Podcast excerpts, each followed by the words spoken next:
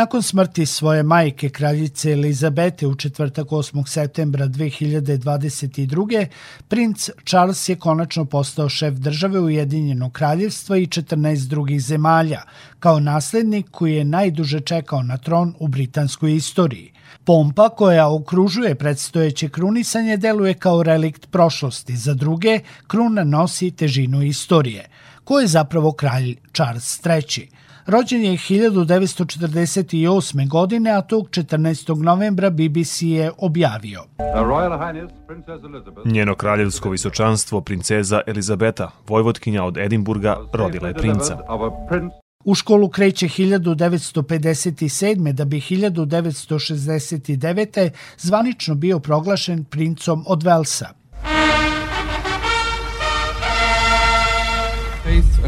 Verno i iskreno se zaklanjem da ću živeti i umreti za narod. Godine 1971. Charles se pridružuje vojsci, a državna televizija prenosi jednu od njegovih izjava u uniformi. Veoma je uzbudivo. Svaki put osjećate da ste nešto postigli. Godine 1976. osniva se Prinčev fond za stipendiranje nadarenih mladih talenata. 1981. stupa u brak sa Dajanom Spencer. Brojne novinarske ekipe prisutne su te 1982. godine ispred porodilišta kada je rođen princ William. Na pitanje da li sin liči na njega, nonšalantno odgovara. Ne, imao je dovoljno sreće da ne liči. Rođenje drugog sina Harija usledilo je 1984. 1996. princ Charles se razvodi od Lady Di, a u obraćanju novinarskim ekipama advokatica princeze kaže – Ovim dokumentom se jednom za svagda prekidaju sve veze. 1997. princeza Diana gine u saobraćenoj nesreći. 2005. Charles je stupio u zvanični brak sa Camilom Parker. 2013. postaje deda rođenjem princa Georgea, prvog deteta princa Williama i Kate Middleton. Radost u porodici tim povodom prenela se i na princa Charlesa, za koga je Camila konstatovala. Ovo je divno za dedu. On zna kako da se ponaša sa decom.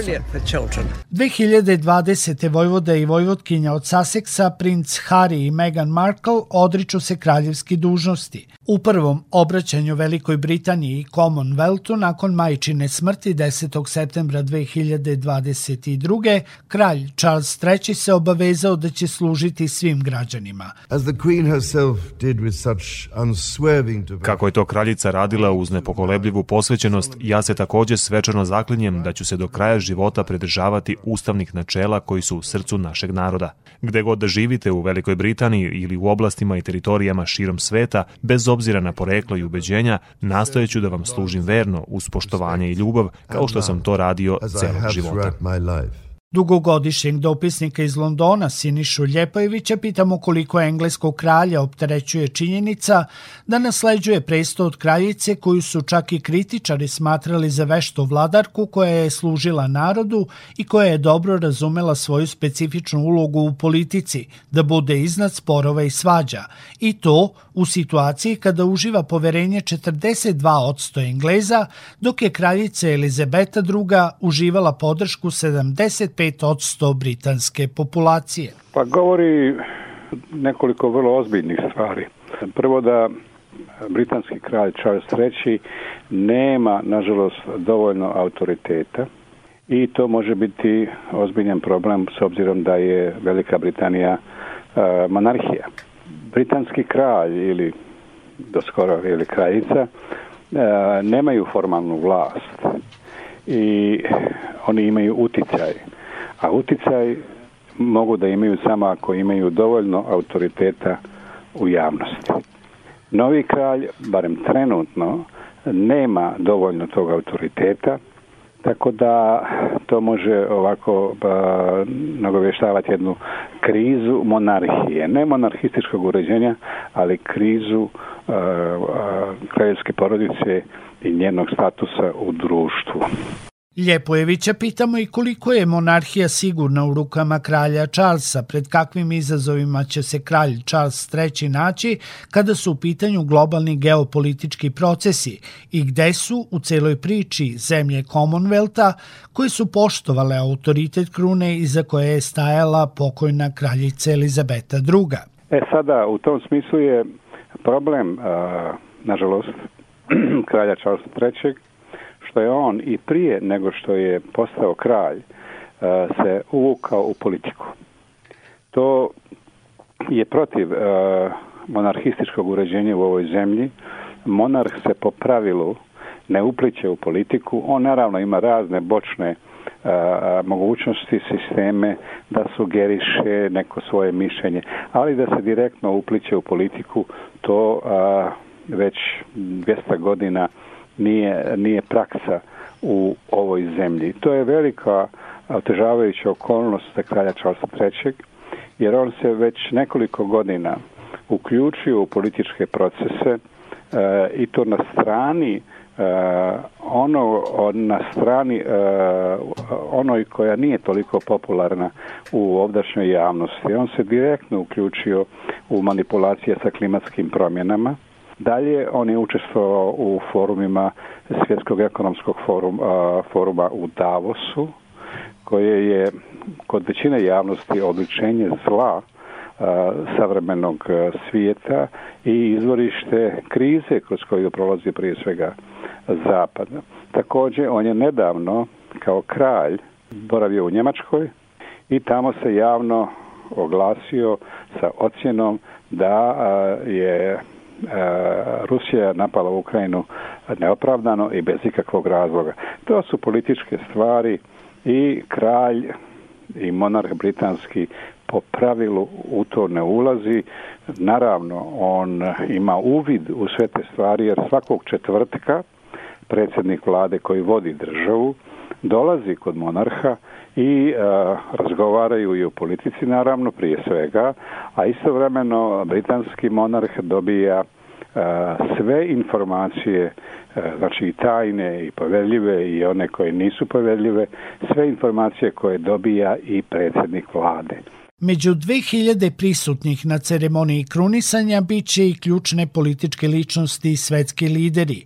Ljepojevića pitamo da li spisak zvanica, ali i onih kojima dolazak nije dozvoljen, ima veze sa tim što je krunisanje državna svečanost koju kontroliše izvršna vlast.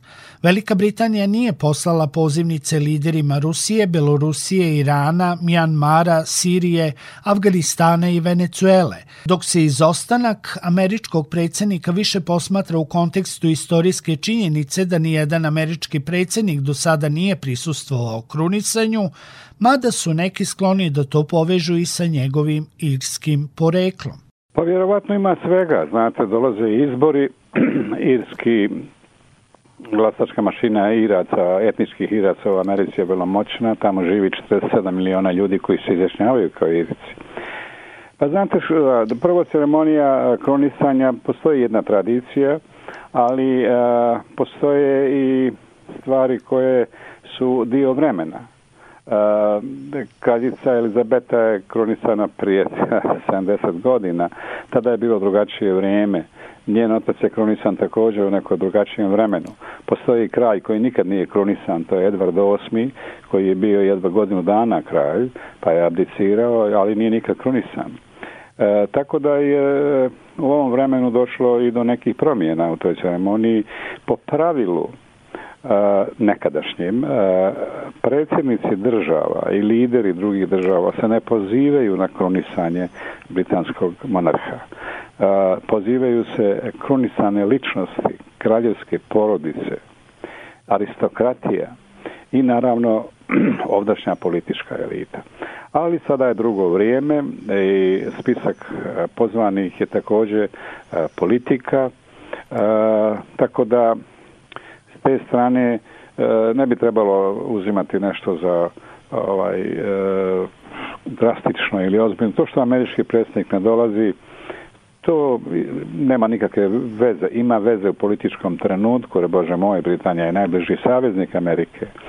ali kažem zbog te irskog ovaj, elementa sigurno da, da uh, američki predsjednik nije, nije došao.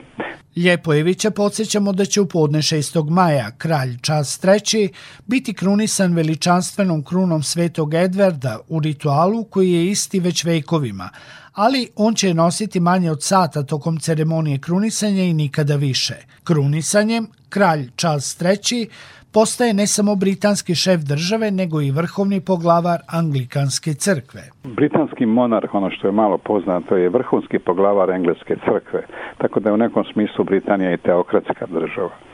Međutim, ovoga puta on, je, on, on će položiti zakletvu pred uh, duhovnim e, uh, poglavarom, uh, e, kanterberijskim nadbiskupom, ali će biti tu prisutni i predstavnici svih drugih religija, što nije ranije bio slučaj, ali na taj način bi trebalo da se a, pokaže kako a, novi kralj a, uvažava tu novu realnost Britanije kao jednog a, multietničkog i multikulturnog i multireligijskog društva. To je odstupanje od jedne tradicije.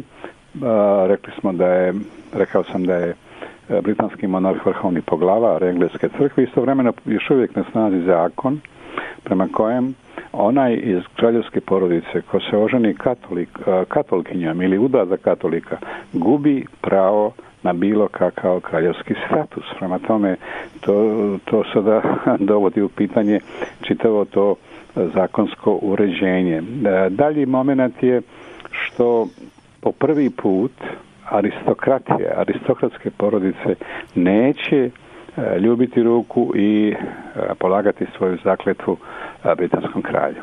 Baza monarhije su u ovoj zemlji aristokratske porodice, jer i sama kraljevska porodica je dio aristokratije. Sada oni više neće polagati uh, tu zakletvu um, novom kralju, nego je naprotiv smišljena jedna djetinjasta ideja da uh, svi ljudi u Velikoj Britaniji i u Commonwealthu dok gledaju televizijski prenos da se zakunu novom kralju pred televizorom. To je krajnje besmisleno i u Velikoj Britaniji, već sam rekao, istraživanje javnog mnjenja, ljudi uopšte nemaju namjeru, samo 9% obećava da će to da gleda, to doživljaju kao poniženje, jer ovdje se tumači da je vjernost kralju stvar čovjeka, a ne njegove zakletve. Zašto bi to neko morao da javno pred nekom televizijskim ekranom kazuje? Čak ima jedno cinično poređenje da se zakletva pred televizorom daje samo vjerovatno u, nebe, u Sjevernoj Koreji. Po nekim procenama i medijskim špekulacijama privatno bogatstvo kralja Charlesa procenjeno je na više od 2 milijarde evra – Ljepojevića pitamo koliko priča o bogatstvu kraljevske porodice zvuči ironično u sve izraženijem socijalnom buntu u Velikoj Britaniji, koji je ovih dana krenuo od protesta prosvetara, zdravstvenih radnika i drugih slojeva britanskog društva. Takve stvari, objavljivanje toga je uh, također dio ovih manipulacija, antimonarhističkih manipulacija. Uh, prvo, on, njegovo lično bogatstvo nije baš toliko, Uh, nije ni malo, naravno, on je negdje oko 600 miliona funti, jer da se razumijemo, on je nezavisno od kraljevske porodice koja je u stvari jedna velika kompanija. Uh, što ovdje kažu firma, koriste po njemačku riječ. Ali on lično je uh, kao predstavnonasljednik, tradicionalno uh, predstavnonasljedniku pripada jedan, jedna regija uh, na jugozapadu Engleske, Cornwall, uh, i od te regije koja je poljoprivredna i veoma turistički razvijena, uh, on dobija prihode. Uh, tako sad dobija taj njegov sin koji će biti kraj jednog časa. Tako da, da ovaj, on ima svoje lično bogatstvo, ali ne toliko, uh, nije malo naravno. Međutim, istovremeno sa kraljevskom porodicom, njenim bogatstvom je uvijek se pravi manipulacije pošto je nemoguće praktično izračunati njihovo stvarno bogatstvo. To je naravno ogromno bogatstvo, ali e, je nemoguće izračunati koliko je ono. Tu je taj problem uvlačenja kralja Charlesa III. u politiku. E, naravno, svima je jasno da kraljevska porodica e, nema direktnu odgovornost za stanje u Velikoj Britaniji. Na to, to je odgovornost britanske vlade I tu, tu nije, nije, ovaj, nije sporno, ali bi bilo, na primjer, sporno da, pošto se ovdje sve teže živi, naravno na ovom nivou britanskog standarda se teže živi, ne na nivou nekih drugih zemalja, ali bilo bi strašno uvredljivo za javnost da se recimo ovaj njihov kralj, šta ja znam, razbacuje sa parama. Što princ Charles, uh, usali kralj Charles, je jednostavno nije takav čovjek. Tako da u tom smislu to ne bi trebalo da bude i nije problem za njega kao kralja. Anketa Nacionalnog centra za društvene istraživanja pokazuje da samo 3 od 10 Britanaca misli da je monarhija veoma važna, što je najniža podrška u istoriji, objavio je Guardian. Sektor Plus. Svet sa naslovnice.